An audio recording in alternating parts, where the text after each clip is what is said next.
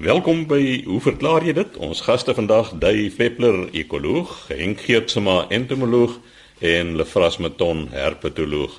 Lefras, ons begin by jou en jy gesels oor 'n ding wat nogal vir baie vroue 'n ernstige probleem is, geitjies in die huise. Ja, Chris, dis drie briewe en twee van hulle is van mans af, so ek wil jou net korrigeer. Nou moet ek daarom sê die vrou roep gewoonlik die man om die geitjie te kom verwyder. Goed. Die eerste brief is van Ena. Ek dink is Ena Loupsher van Plettenberg Bay en sy skryf daar in hulle huis of woonplek is daar nou daar's baie spinnekoppe en goed is naby die see en so sy maar of uh, wat is hierdie gas om die insekte bietjie uit te wis. Maar nou onlangs het sy agtergekom daar's 'n nuwe intrekker in die huis. Dit dit is 'n geitjie. Hy's nou daar agter die die kas en nou voel sy nou bietjie onaardig om sy het daar gespuit moet doen, maar dit het nie effek gehad nie, maar nou wil sy nie graag verder spuit teen spinnekoppe en dis meer nie. Nou hoe nou gemaak. Dit is die eerste brief, dan die tweede een is 'n bietjie meer aggressief as ek dit so kan noem wat ons gaan nou oor na die man toe. Dit is nou Andre Rabbi hy's van Somerset Wes en hy sê hulle het 'n plaas daar naby Karlitsdorp en daar is nou uh, geitjies hy sê dit is Pachydaktylus capensis die Kaapse geitjie maar ek het 'n vermoede is dalk Bibrons se geitjie maar albei van hulle is groot geitjies en hulle maak nogal so lelike gemors teen die mure en hy sê hulle woon nou nie permanent op die plaas nie maar as hulle daarna toe gaan dan is daar veral binne in die huis dan is daar nou hierdie mis die bruin fisies en dan die wit strepe. Dit is soos hy tereg sê die urinesuur die urine.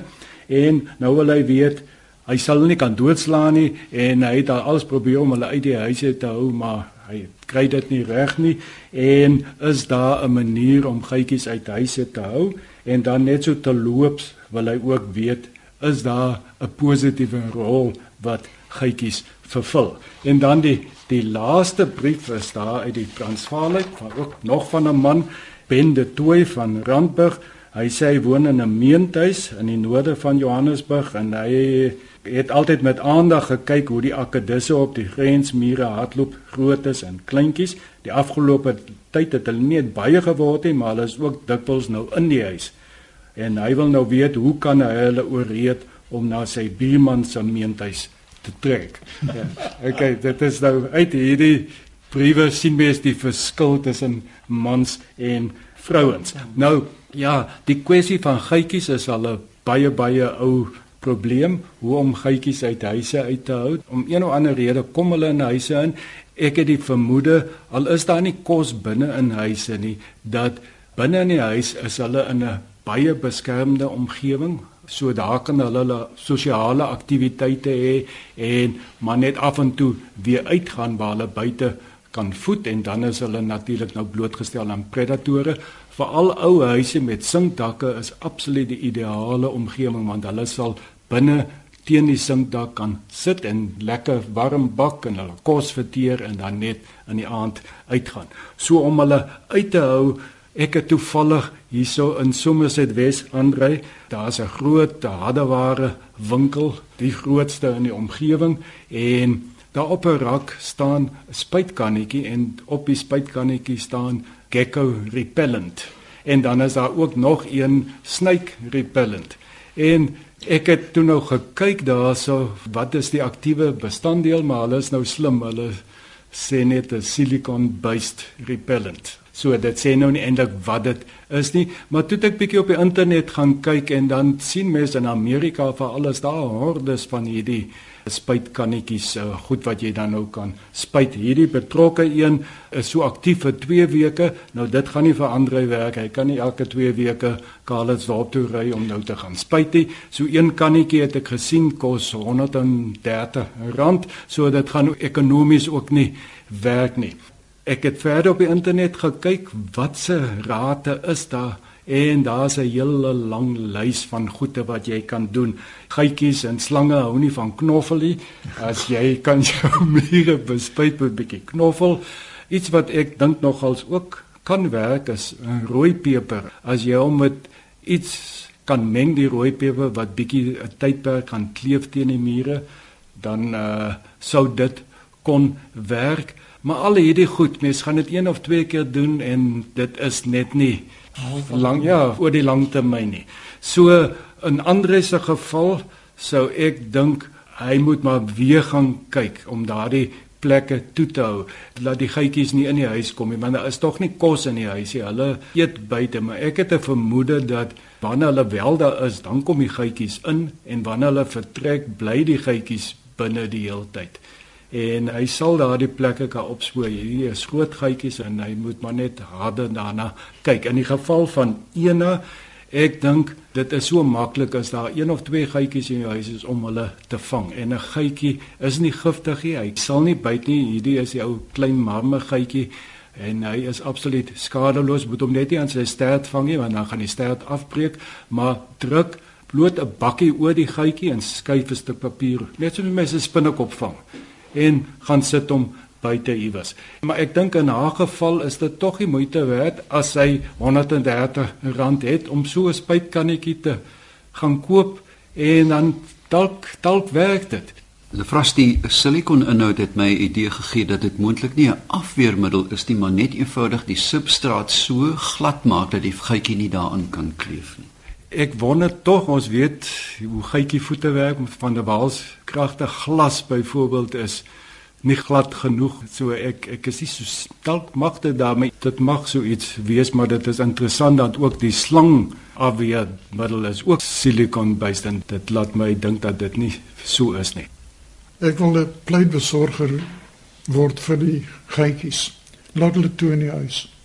Die geitjies sal in die huis kom nommer 1 vir skuiling maar belangriker vir voedsel nou ek het gereeld geitjies in die huis Ek het geen probleem daarmee nie.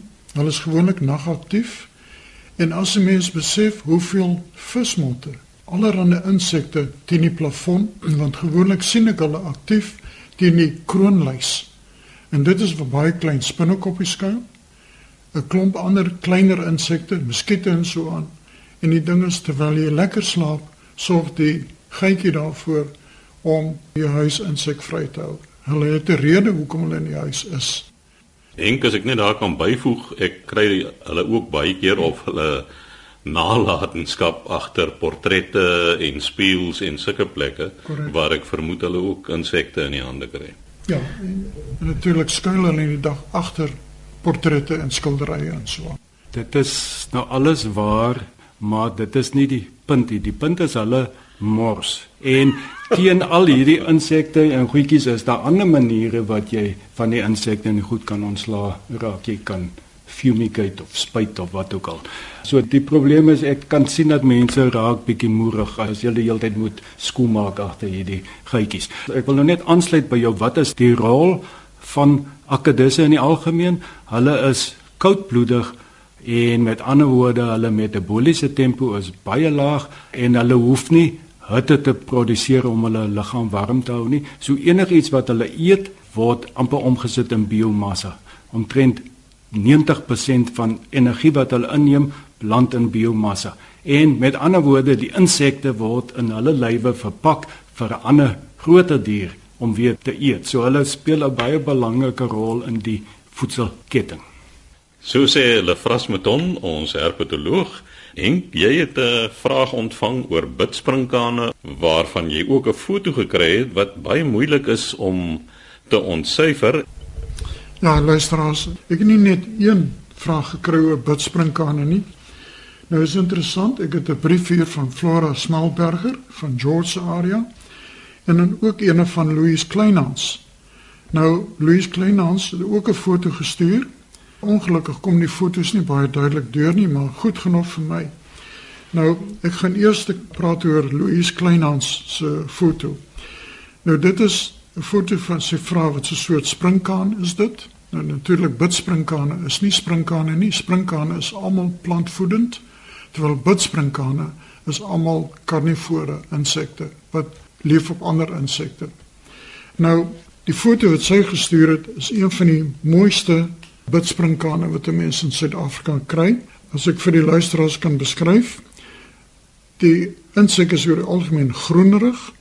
Dan is die vlerke is oorwegend wit en in die sentrale deel van die vlerk is dit donkergroen en dan binne in die donkergroen sentrale deel is daar weer 'n wit sirkel. Nou hierdie patroon is eintlik baie nabootsing van 'n blom, maar nie net dit nie, dis ook oë. En hierdie besondere bidsprinkaan en Louis Kleinhans, hy sê nou nie watter deel van die land jy skryf nie, maar ek kan nou al vir jou sê dit is van die noordelike dele van ons land, van Gauteng af, Limpopo, Mpumalanga, KwaZulu-Natal, is hierdie bidsprinkaan kenmerkend. Hulle gebruik hierdie patroon eintlik as 'n afskrikmiddel vir moontlike predatore. Want as hulle die vlerke oopmaak, lyk dit soos twee groot oë wat dan 'n moontlike predator sal afskrik. Maar die ding is weer eens, nou kom ons terug na Flora Smalberger.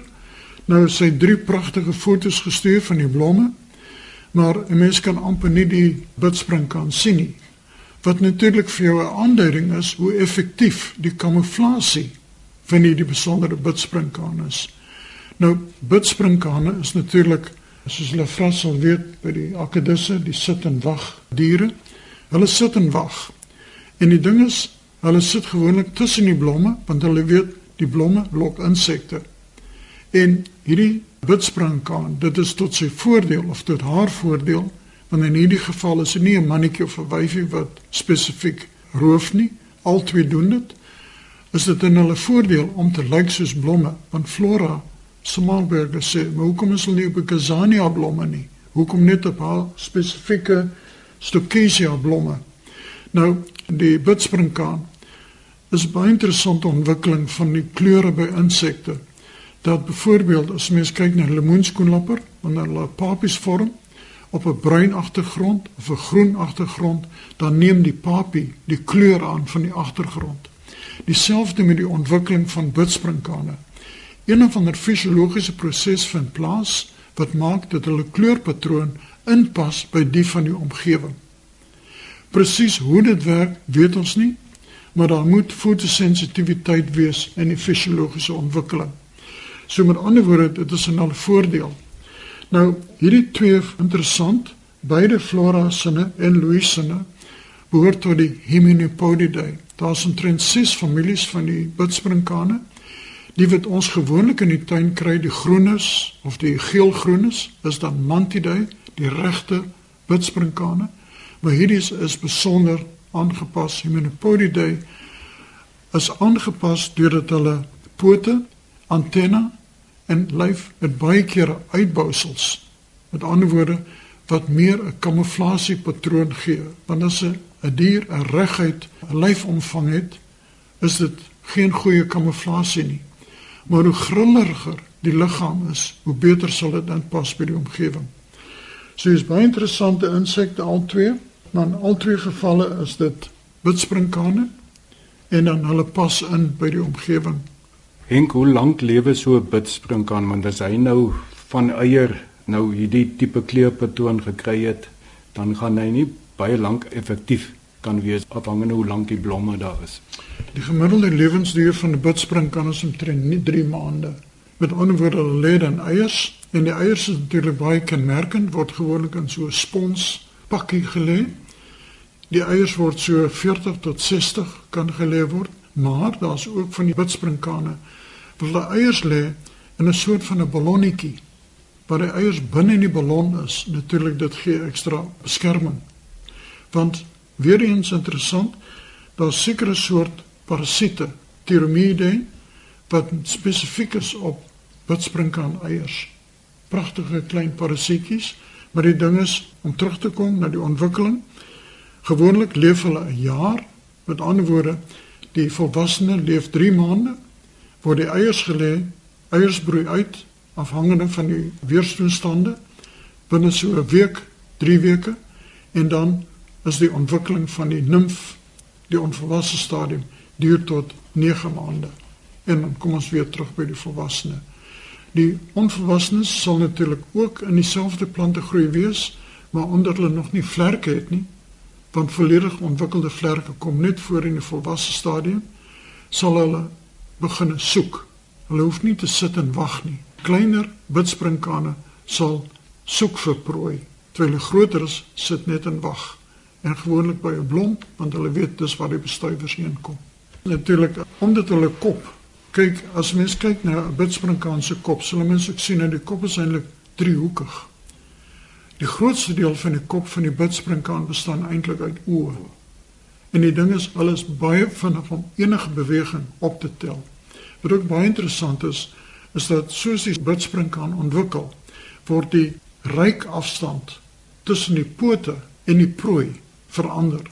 Met ander woorde, as jy 'n klein bidspringkaantjie het, moet hy baie nader aan die prooi wees omdat die pootjies is relatief korter. Maar die sig, die fokuspunt op die prooi is dan ook korter. En soos die bidspringkaan groter word, verleng hierdie brandpunt. Met ander woorde, saam met die ontwikkeling van die groter voorpote groot beter ontwikkeling van die oë, kan hulle verder van die prooi af wees en die prooi raakvat. Natuurlik die grypspoed van 'n uh, bidspringkaan is 'n 20ste van 'n sekonde. Dis net so vinnig so 'n mens sy oog knip. So dis absoluut as daai insek land op daai plant. Dit vat nie baie lank vir die bidspringkaan om die ding in die hande te kry nie. En soos Flora sê, dis vir haar net jammer om te sien hoe hulle die klein springkantjies vang en so stukkie vir stukkie opkom. Nou dit is seker 'n bietjie wreed, maar dit is hoe die natuur is. So sê Henk Geertsma, ons entomoloog, laaste aan die woord Dave Peppler en Dave kan 'n mens in Suid-Afrika met emus boer. Chris, ek het 'n baie kort briefie van Ben du Toit van Randburg wat sê in Australië is daar 'n voël bekend as die emu en hy spel hom met die u. Die Afrikaans is o e emu.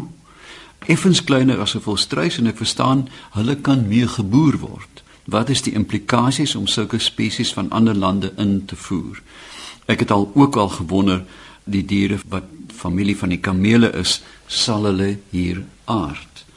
Kom ons kyk nou eers gou wat die emu eintlik is. Dit is 'n familie van die volstruis die Struthioideae en is die ekwivalent van ons volstruis in Australië alhoewel ons so ver geografies geskei is vind 'n mens dat oor die kontinente heen by die Lefras en Henk sal weet dat daar evolusionêre gelykes is reg weet weet die aardvark in Suid-Afrika die sogenaamde muurvreters in Suid-Amerika het dieselfde ekologiese nis en ek dit geld vir insekte en reptiele ook. Dis die tweede grootste voël op aarde, 150 tot 1,9 meter hoog, so groot ding en kan weeg van so 18 na 60 kg. Hulle is soos die volstruis uiteraard ook vlugloos en het 'n vreemde klou aan die voorpunt van die vluglose vlerk. Hulle kan tot 50 km/h hardloop. Jy moenie vir hom probeer weghardloop nie. Ek is verlede week deur 'n volstruis gejaag daar in Vredendal se wêreld en ek het die heining net betyds bereik op my ouderdom. Dit is nogal 'n inspanning. En 'n mens weet ook dat die sentrale toon aan die voet vreesaanjaende wapen waarmee hy trap en skeur. Dit is regtig 'n baie gevaarlike ding as hy jou vasvat. Dave, was dit 'n mannetjie of 'n wyfie wat jou gejaag het? Dit was ongelukkige mannetjie. Ek het gedink die wyfie het ongeïnteresseerd na my gekyk en toe die mannetjie my skep, toe skep hy my. Hulle het soos ons volstruise ook uitstekende sig en gehoor. Hulle is daglewend, maar hulle is meer groepgebonde as ons volstruise. Hulle slaap vreemd genoeg baie vreemd. Hulle sit en dit vir 20 minute en soos hulle in slaap versink en ek vermoed na 'n uh, rapid eye movement sleep toe, dan sak die nek in mekaar, die knieë gee in en dan die oomblik as hulle die grond tref, spring hulle so springmielies pen regop en dan begin die insak in die slaap weer. So die hele groep hop die hele nag op en af en slaap so vir 20 minute op 'n keer. Hulle het baie soos ons volstruise akute vermoë om hulle liggaamstemperatuur te beheer want ons weet dat volstruise tot in die diep Kalahari voorkom en hulle neusholtes het konvolusies wat die lug dan afkoel. Hulle klink baie soos ons volstruise wat so klink.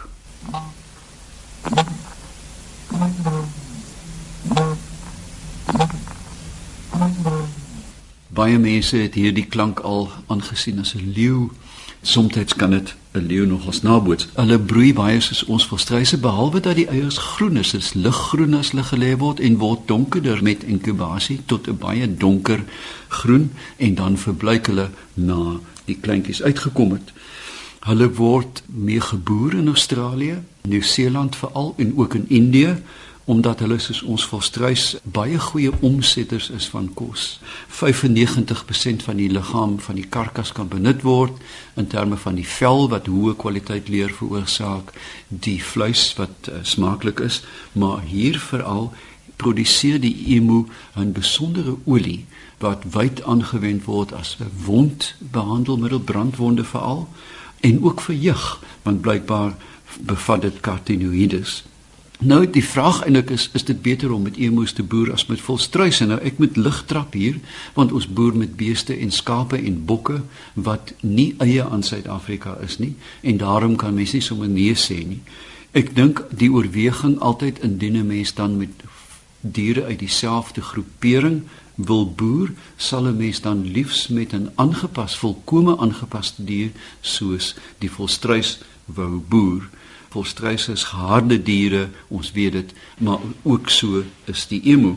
Ek dink ons is nie altyd bewus van die dinamika van hulle siektes nie en 'n mens het 'n geneigtheid. Ons weet wat gebeur het met die volstruisbedryf met uh, griepvirusse, dat dit vir jare gekortwiek was jy wil nie nou nog 'n lat vir jou gat sny deur 'n emu op jou boerdery neer te sit nie. So, ek sou sê dat 'n mens versigtig met hulle wil boer indien jy nie baie bedrywe is met volstruise nie. Dis nie sommer net 'n skaapboer wat nou 'n klomp emus moet invoer nie. En om dan te gaan na die kameelagtige diere en ek vermoed dat Ben hier verwys na die Suid-Amerikaanse kamele. Ons moet tog onthou dat geskiedkundig die Kalahari Appington En sover suid as van Reinsdorp, my oom was 'n berede polisieman op 'n kameel. Hulle het met kamele, jy weet, die rigtersveld deurtrek en gepatrolleer. So dit is geskiedkundig. Namibië het duisende kamele gehad. Die schutztroepe het met kamele gery, die polisie het met kamele gery, maar die kamele is maar 'n stadige ding, jy verstaan? En hy spoeg. Maar ek dink hy verwys meer na die Suid-Amerikaanse kameelagtiges en veral die Jama. Nou ons is geneig om te sê lama ek was in Santiago in ewige verwarring want ek wou die Misa Criolla van Ramirez vir my bestel die CD en tot ek uitgevind het is die Misa Criolla het niemand my verstaan nie. So dis Jamas die dubbel L is 'n J maar dan is ook dan natuurlik die Vicuña en die Guanaco en die Alpaca. Daar's 'n hele klomp uh, Latino kameelagtiges Ons moet onthou dat hulle in die Proto-Andes voorkom. Met ander woorde, ek dink dat ons algemene landsuit is te droog vir hulle. Hier in die Boland dalk 'n bietjie mens moet ook in gedagte hou dat veral as dit kom by die alpaka, dat die vag van die alpaka is internasionaal baie gesog en daarom probeer mense met hulle boer.